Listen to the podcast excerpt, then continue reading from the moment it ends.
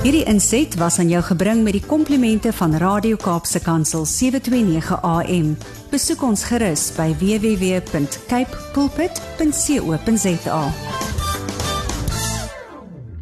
Goeiedag en baie welkom by hierdie program van CBC Suid-Afrika, die program Markplek Ambassadeurs. My naam is Harm Engelbrecht en dit is vir my maar net weer soos elke ander week 'n voorreg om met julle te kan gesels hier uit die ateljee van Radio Kaapse Kansel.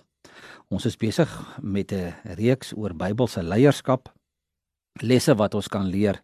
Uh soms goeie lesse en soms lesse wat ons nie uh, moet gaan toepas nie, want daar's soms verkeerde voorbeelde ook. Maar ons gaan vandag 'n bietjie verder gesels en ek is nog steeds besig uh, daarin 2 Samuel. Ons het verlede week begin gesels daar uit 2 Samuel uit uh oor 'n paar dinge wat wat wat aangegaan het in uh in Saul se lewe en hoe Dawid nou in hierdie proses is om om oor te neem um, as koning. En ons het 'n 'n paar goed oor Dawid gesê en ek wil vandag 'n bietjie verder gaan en ek wil ek wil so 'n bietjie uh, verder oor Dawid gesels en dit wat hy gedoen het en um, ja, die verskille tussen Dawid en en Saul ensovoorts.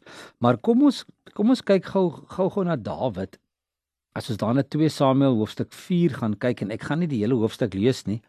Ehm um, julle is welkom om um, agterna 'n bietjie te gaan lees ehm um, of dalk sommer vooruit te lees uh, week weekliks so 'n paar hoofstukke vooruit. Maar 2 2 Samuel hoofstuk 4 ehm um, is daar 'n paar goed oor Dawid wat ons wat ons wat ons waarneem. En net so weer bietjie as agtergrond, ons weet Dawid was maar nog 'n jong man, eintlik nog 'n tiener toe die profeet Samuel hom gesalf het om eendag 'n koning te word. En Dawid moes sy kans om koning te word, ehm um, maar geduldig afwag. Maar die maar die vele uitdagings waarvoor Dawid te staan gekom het, het sy invloedsfeer sowel as sy vermoëns uitgebrei. 'n Lewensproses wat alle leiers op hulle lewens of hulle ontwikkelingspad um, moet deurgaan.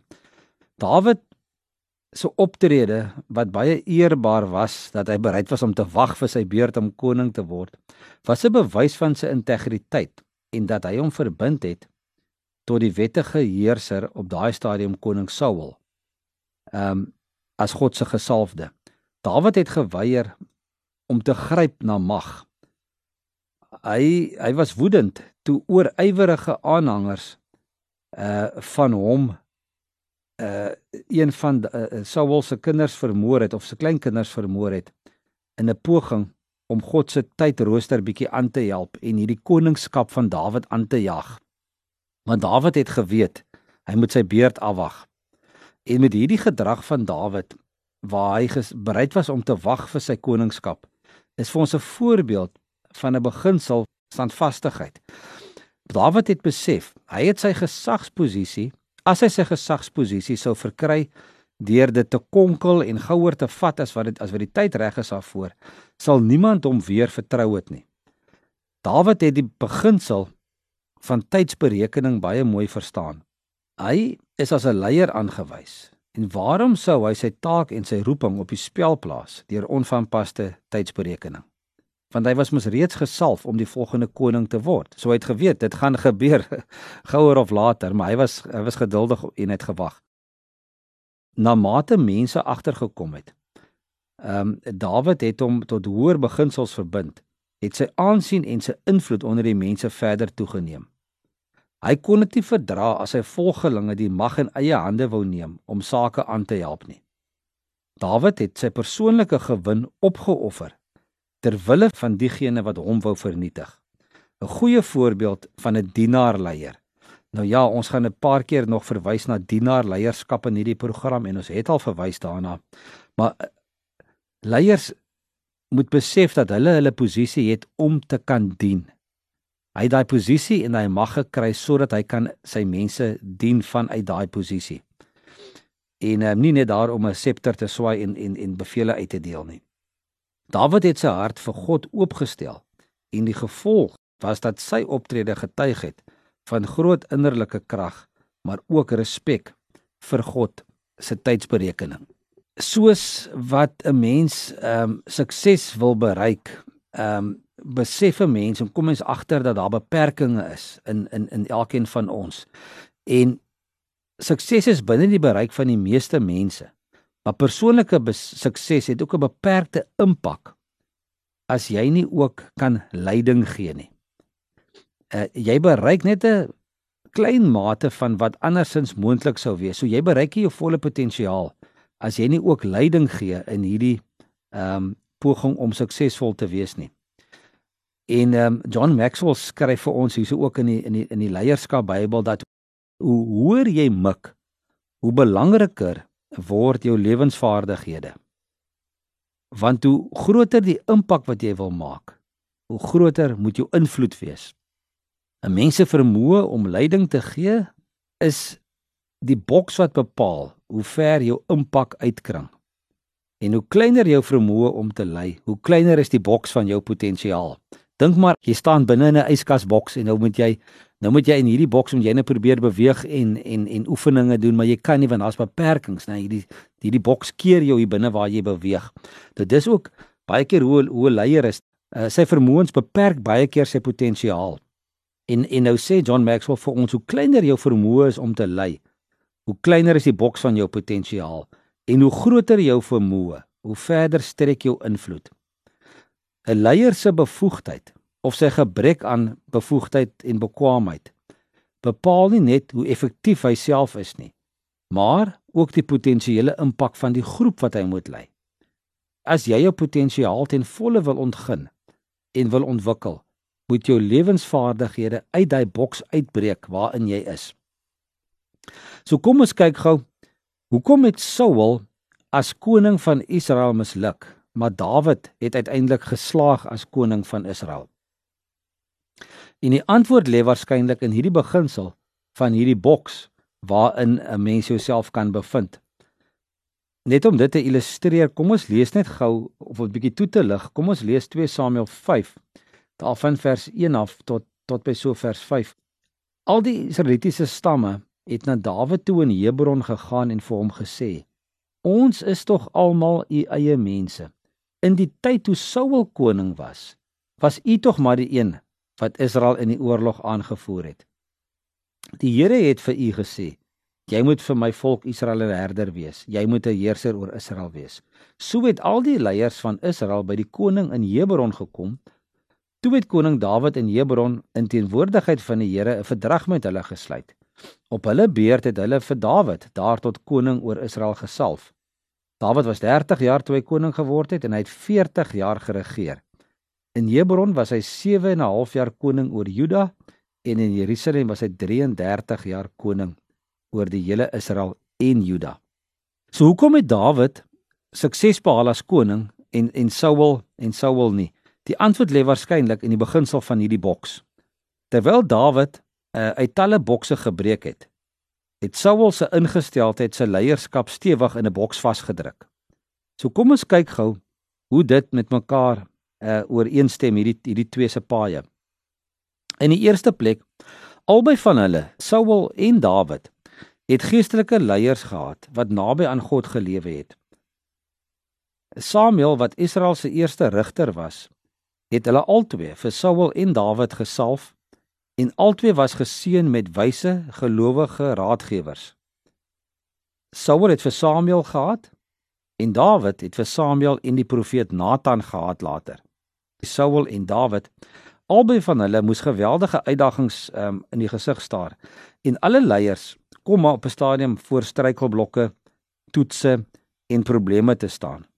En Saul en Dawid moes dikwels ook dieselfde probleem hanteer het. Kom ons vat maar vir Goliat as 'n voorbeeld. Toe hierdie groot Filistyn aanbied om Israel se baasvegters aan te vat, het Saul en Dawid die uitnodiging of die uitdaging gehoor. Saul, wat die voorste vegter van Israel was, was bang en het gaan wegkruip.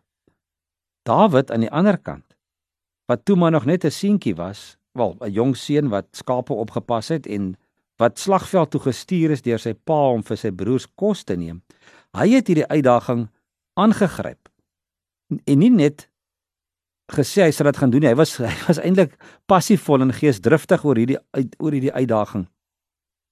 En hy het hierdie uitdaging aangegryp en hy het God daardeur vereer. Albei van hulle, Saul en Dawid, het die kans gehad om te verander en om te groei. Saul en Dawid het uiteenlopend gereageer wanneer hulle met hulle tekortkominge gekonfronteer is. Toe Samuel vir Saul ehm um, so bietjie wou aanpraat omdat hy 'n ontoelaatbare brandoffer aan God gebring het, het het Saul as koning homself geregverdig eerder as om verskoning te vra of berou te toon. Saul het sy eie kop bly volg en was nie bereid om te erken dat hy verkeerd is nie. Maar Dawid se hart was heeltemal anders ingestel. En ons gaan later in die volgende program bietjie praat oor wat gebeur het met met die ehm um, oorspel met Batsheba. Maar toe Nathan met Dawid kom praat oor daai episode met Batsheba, toe hy hom daaroor kom konfronteer, het Dawid onmiddellik begin huil en hy het berou getoon. So wat het vir Saul beperk in dit wat hy kon doen? God het die uiterlike bokse rondom Saul afgebreek. Toe hierdie seun van Kis wat sy pa was, die troon van Israel bestyg het. Nogtans was daar verskeie innerlike innerlike bokse wat vir Saul beperk het. Die eerste ene was vrees. Onthou Saul se bewindheid begin toe hy daar weggekruip het tussen bondels klere en goed wat wa, wa, waarmee hulle in die veld was. Saul se tweede beperking was sy ongeduld. Omdat Saul nie langer op Samuel wou wag nie, het hy 'n offer gebring wat waartoe hy nie uh, toegelaat was om te doen nie. Ehm um, en ons het in vorige episode het ons al hieroor gepraat. En verder, ehm um, Saul het die probleem gehad van ontkenning. Hy het voortgegaan asof alles reg is, selfs nadat Samuel vir hom gesê het dat God hom as koning verwerp het. Saul se ander probleem was impulsiwiteit. Hy het oorhaastige goed gedoen. Hy het oorhaastige eet afgelê wat amper sy seun se lewe gekos het. Saul was bedrieglik.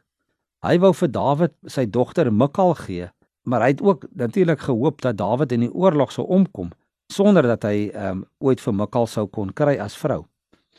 Saul was afgunstig. Saul was baie kwaad toe die mense hom met Dawid begin vergelyk het en sy afguns en sy agterdog het nooit eintlik uh, weggegaan nie. Dit was my heeltyd nog daar gewees um tot sy dood. En natuurlik ook sy woede was 'n probleem waarmee Saul gesukkel het. En um Saul het Dawid 'n paar keer probeer doodmaak. So hierdie afgunstigheid, hierdie woede het hy saam met hom gedra die hele tyd. Impulsiwiteit.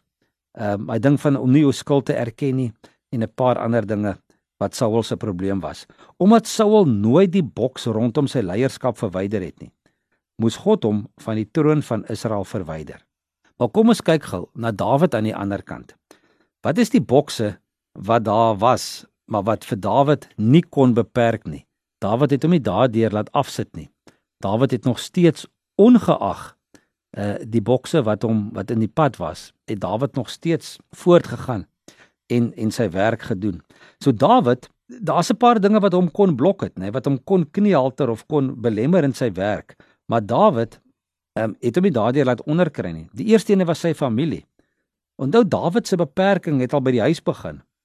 Toe Samuel vir Isaai gaan vra het om al sy seuns te roep sodat hy die volgende koning van Israel kon aanwys, het niemand eers die moeite gedoen om vir Dawid te laat kom nie. Sy broers het net so min soos sy pa van hom gedink en toe Dawid slagveld toe gaan, ehm um, uiteindelik om teen Goliat te veg, het almal hom bespot, selfs sy broers. En ehm um, toe hy ontsteld word omdat Goliat die Here belaster het, het sy broers hom beledig en hom probeer huis toe stuur. So sy eie familie het hom probeer beperk um, tot dit wat hy in die veld moes doen en om 'n skaapwagter te wees. Sy eie leier, Saul, het aanhoudend probeer om Dawid se leierskap en sy vermoëns te probeer ondermyn. Toe Dawid aangebied het om teen Goliat te gaan veg, sal julle onthou, eh, Saul het gesê jy kan nie teen hierdie Filistyn veg nie. Maar ook het Saul uiteindelik sy eie wapenrusting vir Dawid gegee dat hy dit moes aantrek om teen om teen Goliat te gaan veg. En natuurlik het Dawid dit uiteindelik nie gebruik nie. En ehm um, natuurlik Dawid se agtergrond ehm um, het ook teen hom getel. Hy het 'n arm familie van veewagters gekom. Sy pa kon nie ehm um, spog met 'n met 'n afkoms uit 'n uit 'n koninklike ehm uh, um, stamboom of 'n adelike afkoms nie. Dawid was nie eens die oudste seun nie. Daar was nog sewe ander broers voor hom, so Dawid was die agste in die lyn. Ehm um, so hy was eintlik baie min uh, uh, of onbelangrik geag ook in in in die samelewing. Ander dinge wat teen Dawid getel het, was sy ouderdom en sy onervarenheid. Toe toe Samuel vir Dawid gesalf het, het hy as seun geen ondervinding as leier gehad nie. Behalwe die feit dat hy skape opgepas het in die veld. Maar toe hy aanbied om teen Goliat te veg, het die ander hom herinner dat hy nog jonk is en dat hy nog nooit in 'n oorlog geveg het nie. En mense het hom aanhoudend onderskat en hom met minagting behandel. Maar Dawid het uiteindelik 'n invloedryke leier geword. Nie omdat hy geen beperkings gehad het nie. Hy het 'n leier met impak geword omdat hy uit die boks uitgebreek het waarbinne hy was. Almal van ons, alle leiers, het bokse rondom hulle. Niemand word daar sonder gebore nie. En bokse val nie sommer plat wanneer 'n mens 'n titel of 'n posisie verwerf of gesag kry nie. Die vraag is of jy in jou boks gaan gaan vasloop en of jy dit gaan afbreek. Hoe gaan jy dit hanteer? Baie mense gebruik um, beperkings. Dawid kon so maklik hierdie dinge wat teen hom getel het gebruik het as verskonings. Sy familie, die feit dat Saul hom wou ondermyn het, sy agtergrond wat hy gekom het, sy onervarenheid, sy ouderdom, so maklik kon Dawid hierdie goed as verskonings gebruik het. Maar Dawid het dit nie as verskoning gebruik nie. Dawid het dit afgebreek en daardeur gebreek en voortgegaan om die leier te word eh, wat God wou hê. Hy moes doen as koning. Een van die belangrikste vrae wat 'n leier homself of haarself kan afvra, het eh, baie keer niks te doen hoe jy hulp gaan kry nie of die regte mense om jou kan versamel of 'n teikendatum moet vasstel nie. Maar die belangrikste vraag wat leiers eintlik vir hulle self moet vra, bestaan uit drie woorde. En dit is wat sê God? Wat sê God? Wat wil hy hê moet jy doen in daai omstandighede? En Dawid het op twee vers, heeltemal verskillende maniere ontdek hoe belangrik hierdie vraag is. In 2 Samuel 5 het hy twee keer gehoor dat die Filistyne teen hom wil optrek. En albei kere het hy eers God gaan raadpleeg voordat hy opgetree het. En elke keer het hy sy aanwysings van God ontvang en dit gevolg en het hy geslaag in sy veldslae. In hoofstuk 7 bring die profeet Nathan 'n uh, 'n boodskap in God se naam voordat hy 'n boodskap uh van bo ontvang het. En God betug hom daardie nag en Nathan is verplig om terug te gaan na Dawid toe om die saak te gaan regstel. So as 'n leier moenie in God se naam praat of optree totdat jy seker is jy het leiding van hom gekry nie. Ons as geestelike leiers, julle as geestelike leiers moet leer om eers te luister voordat ons praat. So hoor eers en maak seker dat dit wat jy wil doen, dit wat jy wil uitvoer, het jy van die Here ontvang voordat jy sommer net wil optree en dit en dit wil gaan uitvoer. Ek gaan volgende week 'n uh, bietjie verder met julle gesels, maar um, op hierdie stadium is ons tyd alweer om en dit is vir my lekker om met julle te gesels hierso uit uh, Radio Kansel se ateljee uit. As jy wil weet meer oor die bediening van CBMC, die Christian Business Men's Connection waarby ons betrokke is, kan jy my gerus 'n e-pos stuur. Stuur vir my 'n e-pos na admin@cbmc.co.za of gaan besoek ook ons webwerf www.cbmc.co.za. En uh ja, hiermee groet ek julle tot volgende week. Totsiens. Hierdie inset was aan jou gebring met die komplimente van Radio Kaapse Kansel 729 AM. Besoek ons gerus by www.cape pulpit.co.za.